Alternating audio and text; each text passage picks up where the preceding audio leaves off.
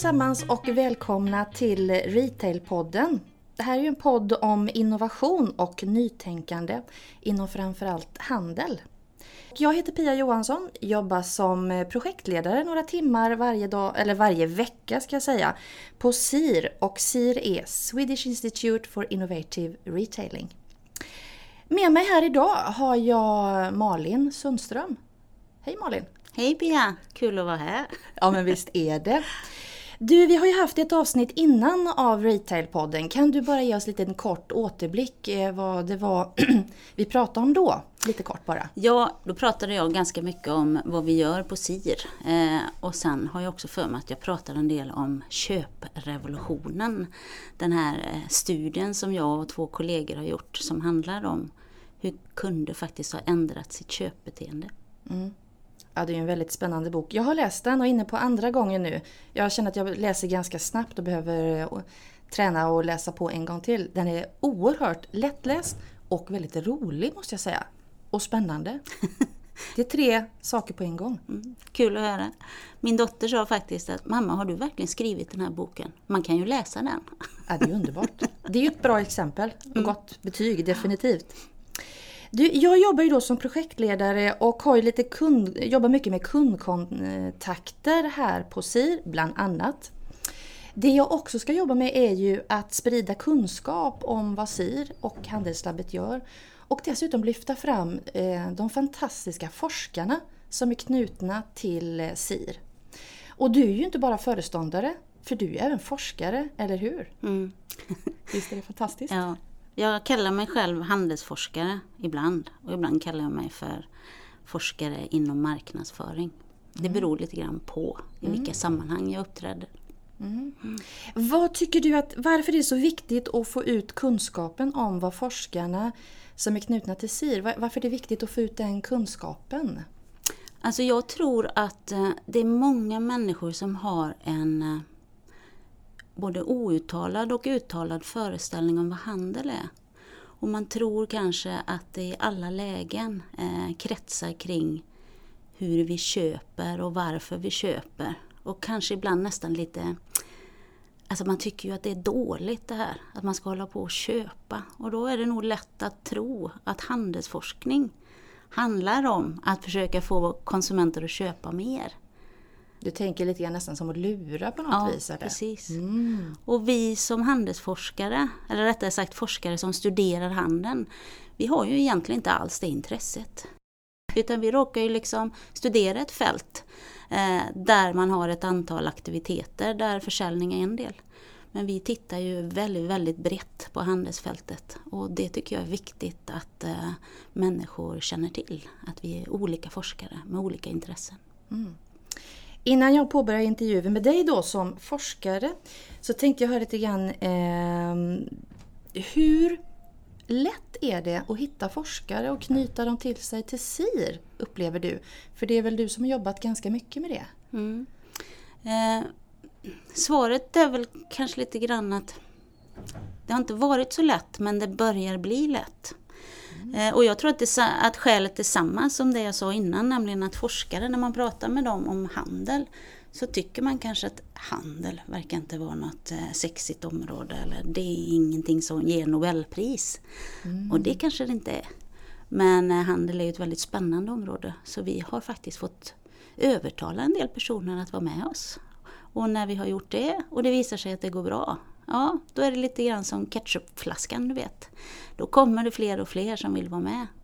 Är det rent av så att det kommer förfrågningar eh, till dig nu? Att jag vill gärna vara med för jag tycker ni verkar ha något spännande på gång. Absolut. Det har varit flera, flera forskare nu som kommer och knackar på och vill vara med. Finns, upplever du att det finns mer plats?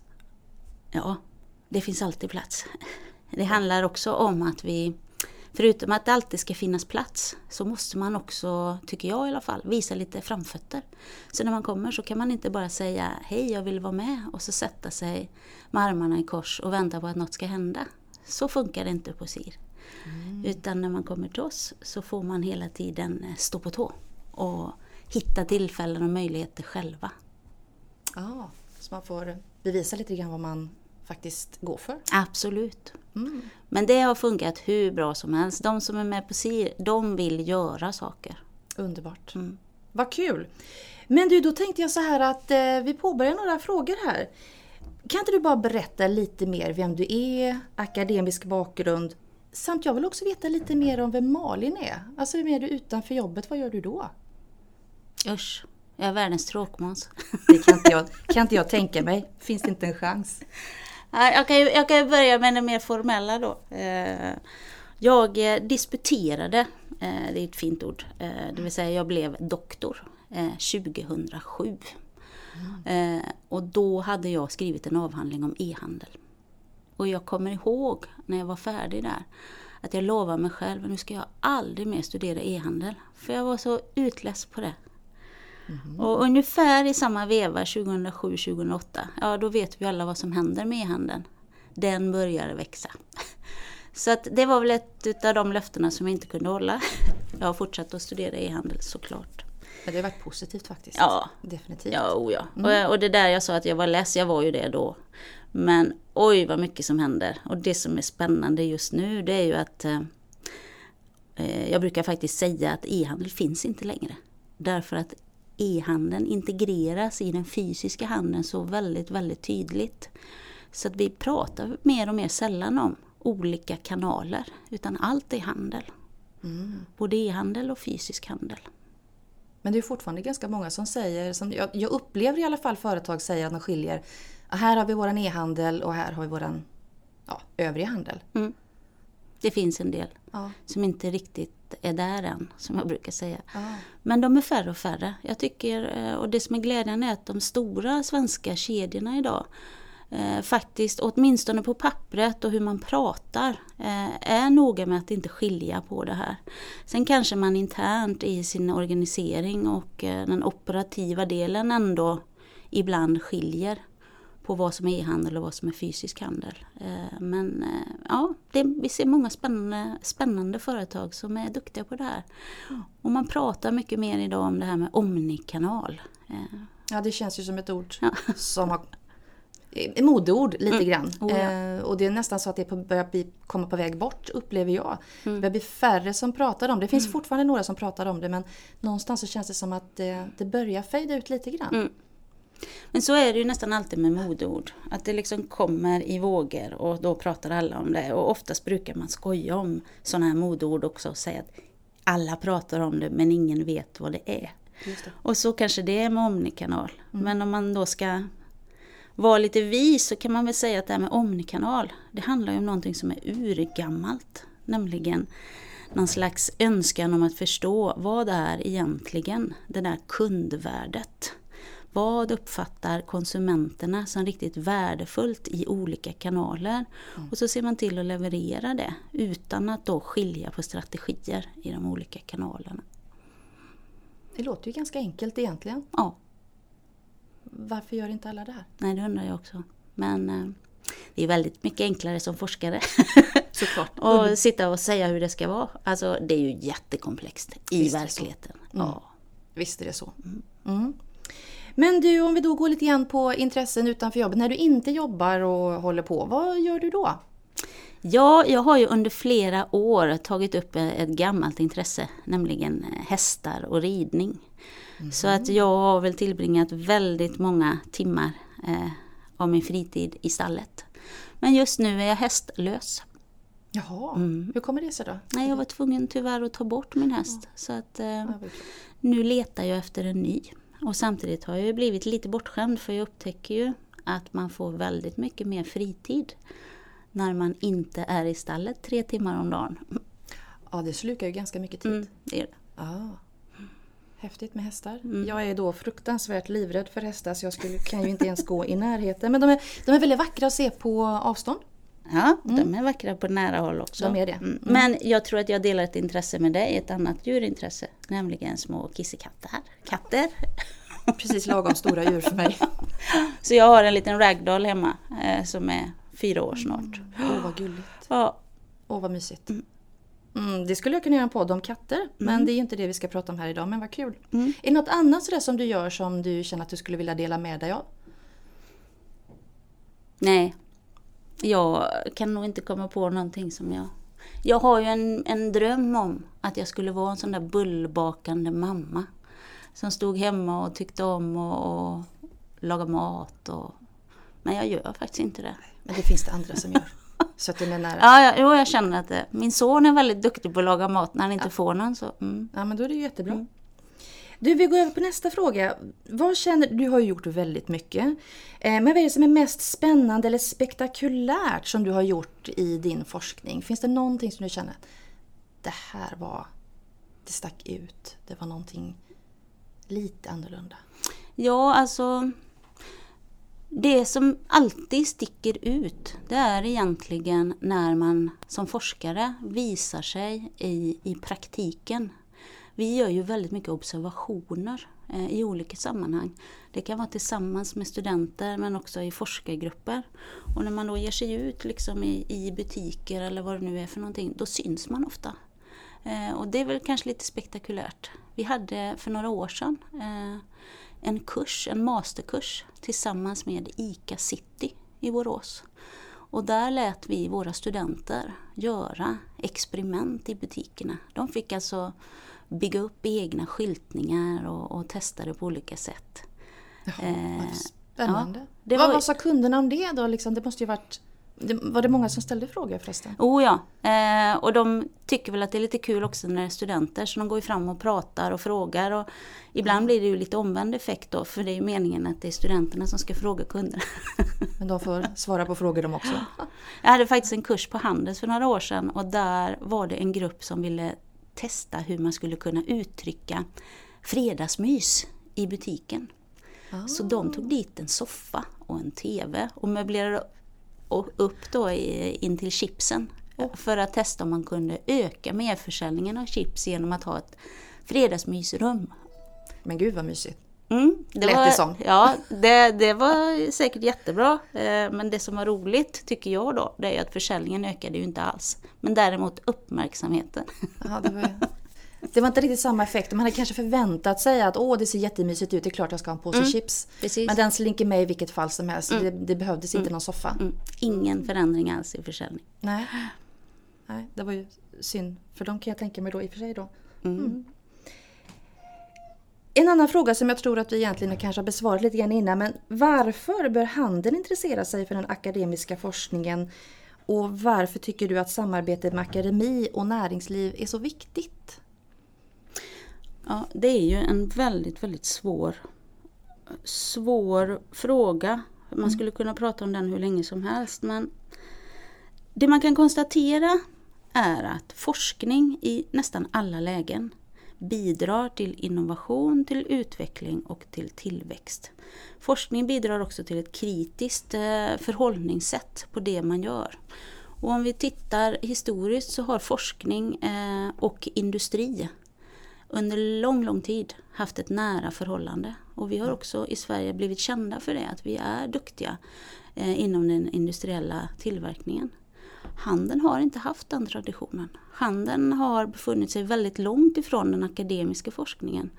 Eh, av vilka skäl är väl inte helt klarlagt. Men det vi har sett är ju att handeln inte är så innovativ som industrinäringen har varit. Nu börjar det ändra sig. Nu börjar det hända saker men förut har det varit så. Och jag tror att det är jätteviktigt att näringar, om man vill överleva, om man vill hänga med i förändringstider så måste man nog faktiskt också närma sig den akademiska forskningen. Mm. Jag tänkte fråga förut om forskare som närmar sig SIR. Upplever du att det är företag som eh, ringer och hör av sig till dig och säger att Hallå Malin, du, vi behöver hjälp. Ja. Eh, upplever du att det är så nu eller? Ja, alltså jag måste säga att jag blev väldigt förvånad eh, när vi drog igång det här med SIR 2013. För att det var ju egentligen mest näringslivet som var intresserade av att vi skulle göra någonting sånt här. Mm. Och det har hela tiden varit näringslivet som trycker på och som vill att vi ska göra saker. Eh, de eventuella svårigheter vi har haft, det har nog kanske varit mest internt inom akademin. Att få forskarna att vilja vara med. Men det finns inga som helst problem i att inte näringslivet hör av sig. Snarare tvärtom. Det kanske är lite för många. Det är ju Men det- angenäma bekymmer Ja, faktiskt, oh ja. om man ska säga så. Absolut. Vi får liksom anställa fler helt enkelt. det är ju fantastiskt roligt. Mm. Det är ju underbart. En avslutande fråga då. Eh, vad är det som du håller på med just nu? Samt vad har du för planer de närmsta åren? Kan du beskriva lite kort om det? Mm. Just nu så håller jag på att avsluta ett projekt som handlar om framtidens business intelligence. Eh, Det är ett eh, HUR-finansierat projekt, Handelns utvecklingsråd. Eh, Och där jobbar jag ihop med vad jag brukar kalla för algoritmpojkarna. Det var ett annorlunda namn, det Ja. måste jag säga. Det är ett antal forskare inom datavetenskap som då jobbar med data mining framförallt. Och när det projektet är avslutat så kommer jag att jobba rätt så koncentrerat med ett eh, annat projekt om handelns digitalisering och konsekvenserna eh, för den fysiska butiken av en allt mer digital handel. Eh, där har vi gjort väldigt mycket djupintervjuer med stora retailföretag, svenska. Där vi bland annat har haft med oss ICA, IKEA och ett antal andra aktörer också. Eh, där vi faktiskt försöker att kartlägga och förstå konsekvenserna i butiken. Vad händer när så mycket blir digitalt? Vad händer med butiken som rum? Vad händer med medarbetarna? Eh, vilka, vilka förändringar kan vi se när det gäller kompetensbehov i framtiden? Eh, transparensen och hållbarhet, kommer den typen av frågor att bli lättare att hantera med digitala gränssnitt? Så det är många frågor där. Det projektet gör jag ihop med kollegor på Handelshögskolan i Göteborg. Det låter ju urspännande. Jag har ju varit en del av SIR nu under ja, det här året kan man säga. Och jag har varit ute och också intervjuat ganska många olika företag och det många säger är just hur ska vi utveckla våra butiker? Och vad kan vi göra annorlunda? Mm. Så att det känns som att jag tror att det är många som har den frågeställningen eller den problemställningen Mm. uppe på agendan just nu. Och jag kan faktiskt se, jag är ju en sådär ganska otålig människa och jag blir ganska snabbt irriterad när jag hör att folk pratar eh, om begrepp som inte har ett innehåll. Och ett av de begreppen är faktiskt showroom. Alla pratar om "Ah, vi kommer att få showroom i framtiden. Men ingen tar egentligen på sig uppgiften att fylla ett showroom med in, ett innehåll. Så att det vill vi göra. Det är det jag tänker och hoppas få eh, forskningsfinansiering för i framtiden. Hur ska ett, ett showroom se ut? Vilka funktioner ska det ha? Kan vi koppla ihop ett fysiskt showroom med en mer hållbar och attraktiv eh, stadsmiljö? Kan vi lägga på hållbara eh, transporter där? Det vill säga att skapa ett nytt slags köpbeteendemönster i kombination med ett nytt serviceinnehåll i framtidens showrooms. Det låter ju hur spännande som helst. Mm, jag går igång på Jag hör det, så, jag fort, känner så det. fort jag pratar om det. Jag känner det. Underbart. Mm. Är det någonting mer som du känner att du vill eh, dela med dig av? Ja, alltså det jag, det jag skulle vilja säga till alla lyssnare det är att Fortsätt att lyssna på den här podden. Och du Pia, du gör ett kanonjobb eh, genom att hålla i den här. Eh, och jag hoppas att lyssnarna där ute bara sitter och väntar på nästa sändning och nästa sändning. För här kan man faktiskt lära sig ett och annat tror jag. Det är jag övertygad om. Eh, tack så jättemycket. Och jag tackar så mycket för idag. Jag kommer tillbaka med mer forskarkompetenser eh, från SIR. Tack Malin för att du var här. Mm, tack! Vi hörs och ses.